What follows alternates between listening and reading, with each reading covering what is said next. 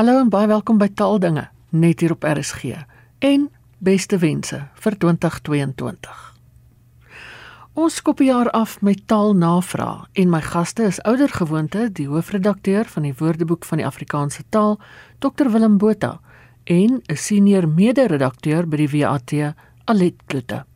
Alet, ons begin sommer by jou. 'n Anonieme luisteraar van Kaapstad wil weet of 'n mens links en liberaal as sinonieme kan gebruik. Dis tog eintlik teenoorgesteldes op die politieke spektrum, sê die luisteraar. Ek kan nou maar bloot uit 'n taalkundige oogpunt hierna kyk. Ek gaan liewer nie probeer om dit polities uitmekaar uit te hou of te verklaar nie. Links en liberaal is nie absoluut sinoniem nie, alhoewel mense geneig is om hulle so te gebruik. Maar ek sou hulle ook nie as teenoorgesteldes op die politieke spektrum beskou nie.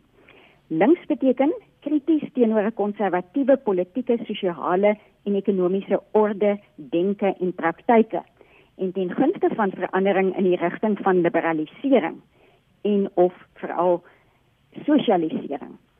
Liberaal aan die ander kant beteken wat baie waarde heg aan vryheid, veral die vryheid van die reg en die regte van die individu en ruim van opvatting, verdraagsaam, onbevooroordeeld en so meer.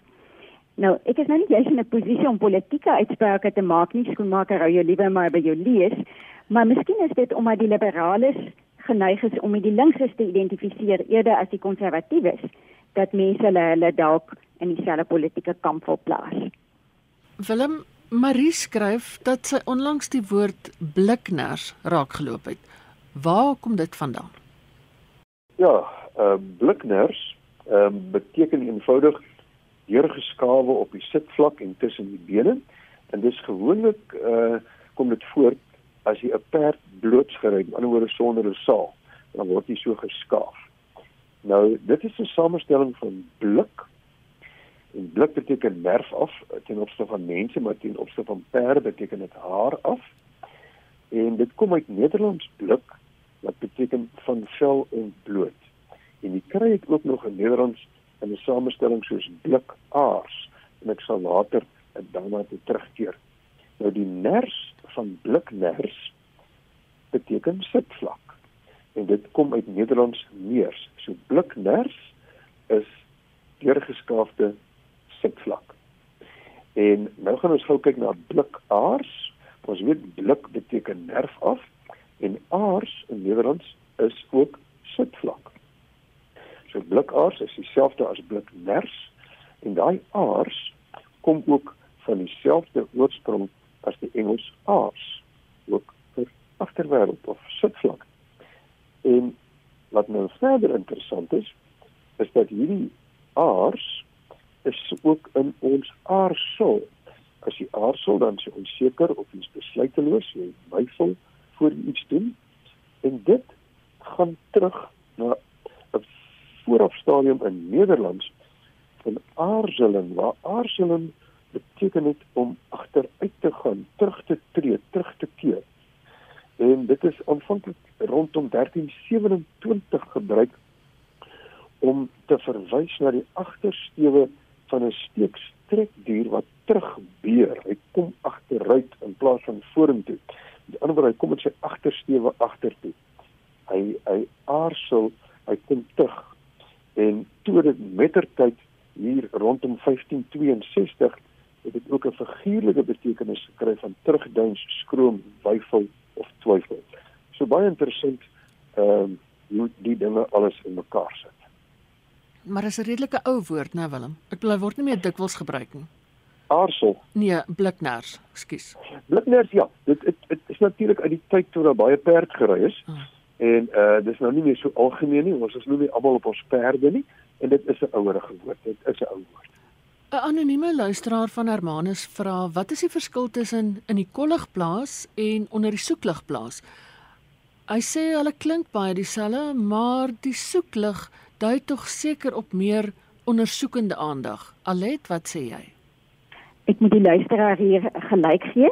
Uh, die aanvulling is korrek Letterlik beteken kollig die volgende: dis 'n gekonsentreerde ligbundel wat die kol waarop dit gerig word of val intens of helderder as die omgewing belig. En as jy dan figuurlik gesproke in die kollig geplaas word, is jy die sentrum van die aandag.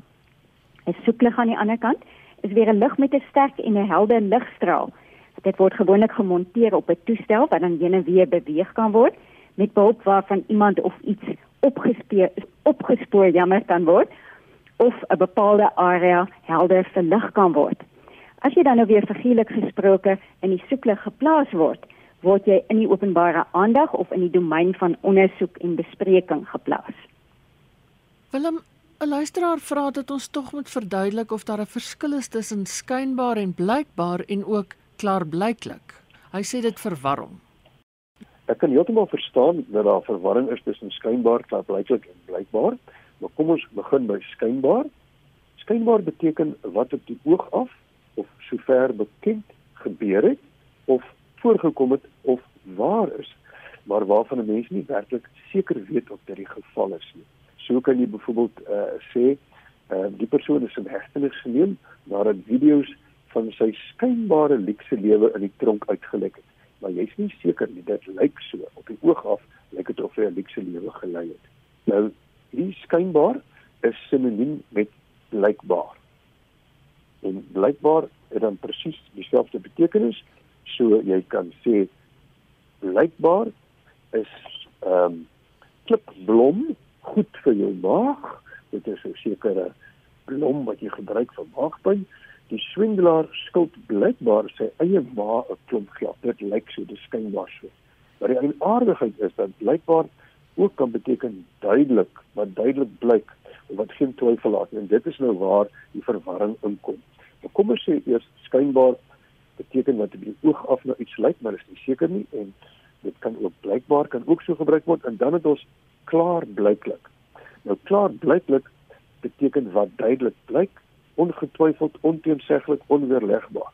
So, blyklik is baie duidelik iets is definitief. En wat interessant is, die klaar van klaar blyklik is dieselfde klaar as die klaar in opklaar en verklaar. En albei gaan terug na die Latyn clarus wat helder of duidelik beteken. As die weer opklaar, word dit helder. As jy iets verklaar, dan maak jy dit duidelik, jy verhelder dit vir iemand. En daardie selfde teruggaan na die Latyn kom ook voor in Engels clear. Dit kom ook van clarus en as jy iets clarify in Engels, dan maak jy dit helder, dan maak jy dit duidelik, dan verklaar jy dit. So in al hierdie woorde is hierdie klaar gelyk aan 'n Latyn clarus wat helder of duidelik beteken. En as mos die dorp daar in die Klein Karoo klaar stroom wat dan seker helder stroom is. Net so. Janine van Swellendam vra, is dit vereiste of vereisde? Ehm um, sy sê sy twyfel altyd. Alet? Uh hiermee kan ek nie identifiseer.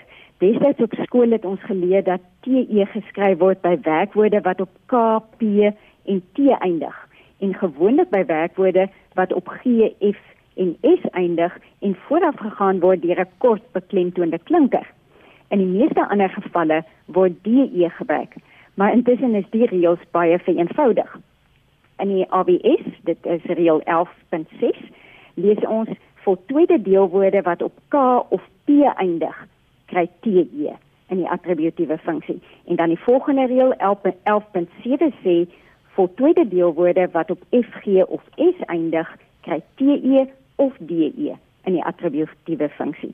En om dus nou die luisteraar se vraag te beantwoord, dit gaan wees gestyfde of gestyfde, ingelegde of ingelegde en vereiste of vereiste.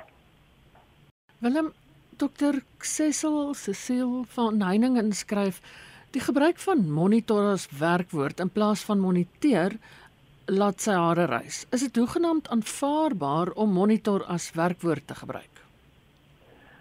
Ja, uh, dokter van Heiningen, ehm um, dit is aanvaarbaar om monitor as werkwoord te gebruik, maar moniteer bestaan ook. En toe ons hierdie uh, twee woorde moes hanteer in die Woordeboek van Afrikaanse taal, hierdie twee wisselforme of sinonieme dan, ons het dit as sinonieme hanteer, dan het ons gesien dat moniteer kom minder voor as monitor as werkwoord. En daarom het ons moniteer wel opgeneem, maar ons het dit verwys na monitor. So monitor het verskillende betekenisse en by elke betekenis word moniteer dan as 'n sinoniem gegee. Die eerste betekenis van monitor is om noukeurig waar te neem en te registreer of te kontroleer onder andere die verloop van gebeure of 'n proses vir 'n bepaalde doel en gewoonlik oor 'n redelike tydperk. En dan sinoniem moniteer en die eerste voorbeeld sin is ideaal gesproke behoort die onderwyser die kinders se vordering op 'n deurlopende wyse te monitor en in elke fase te soek na tekens van probleme. Dan is daar tweede betekenis elektronies meet, registreer of kontroleer vir 'n bepaalde doel en gewoonlik oor 'n redelike tydperk.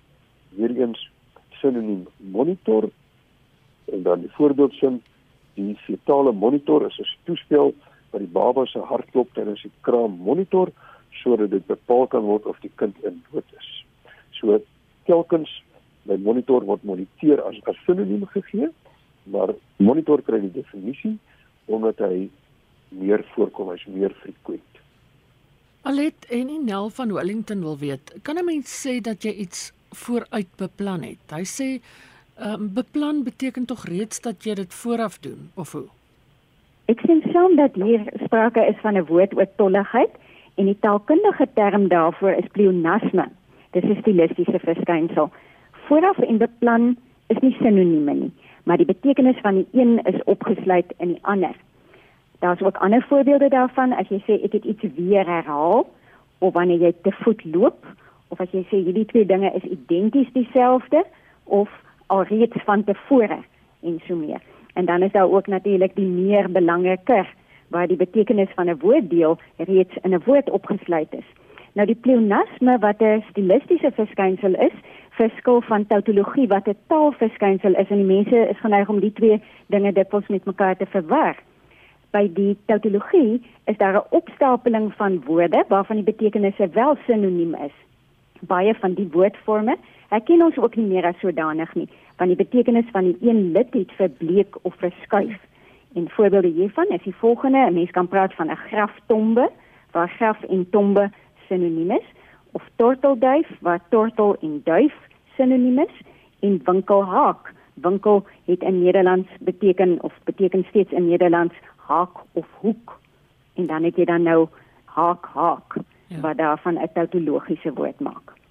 Willem Koos Botha vra dat ons asseblief tog sal praat oor deesdae se oormatige gebruik van bitter. Hy sê ons hoor voortdurend iets was bitter lekker of iets is bitter mooi. Maar volgens sy woordeboeke word bitter net gebruik om iets wat onaangenaam smaak of smartlik of haatlik is te beskryf, soos bittere verwyte, bitter lewe, bittere spot. Ja, koers, uh, dit is so as jy na ons woordeboeke gaan dan het hulle slegs 'n negatiewe betekenis wat aan bitter geheg word.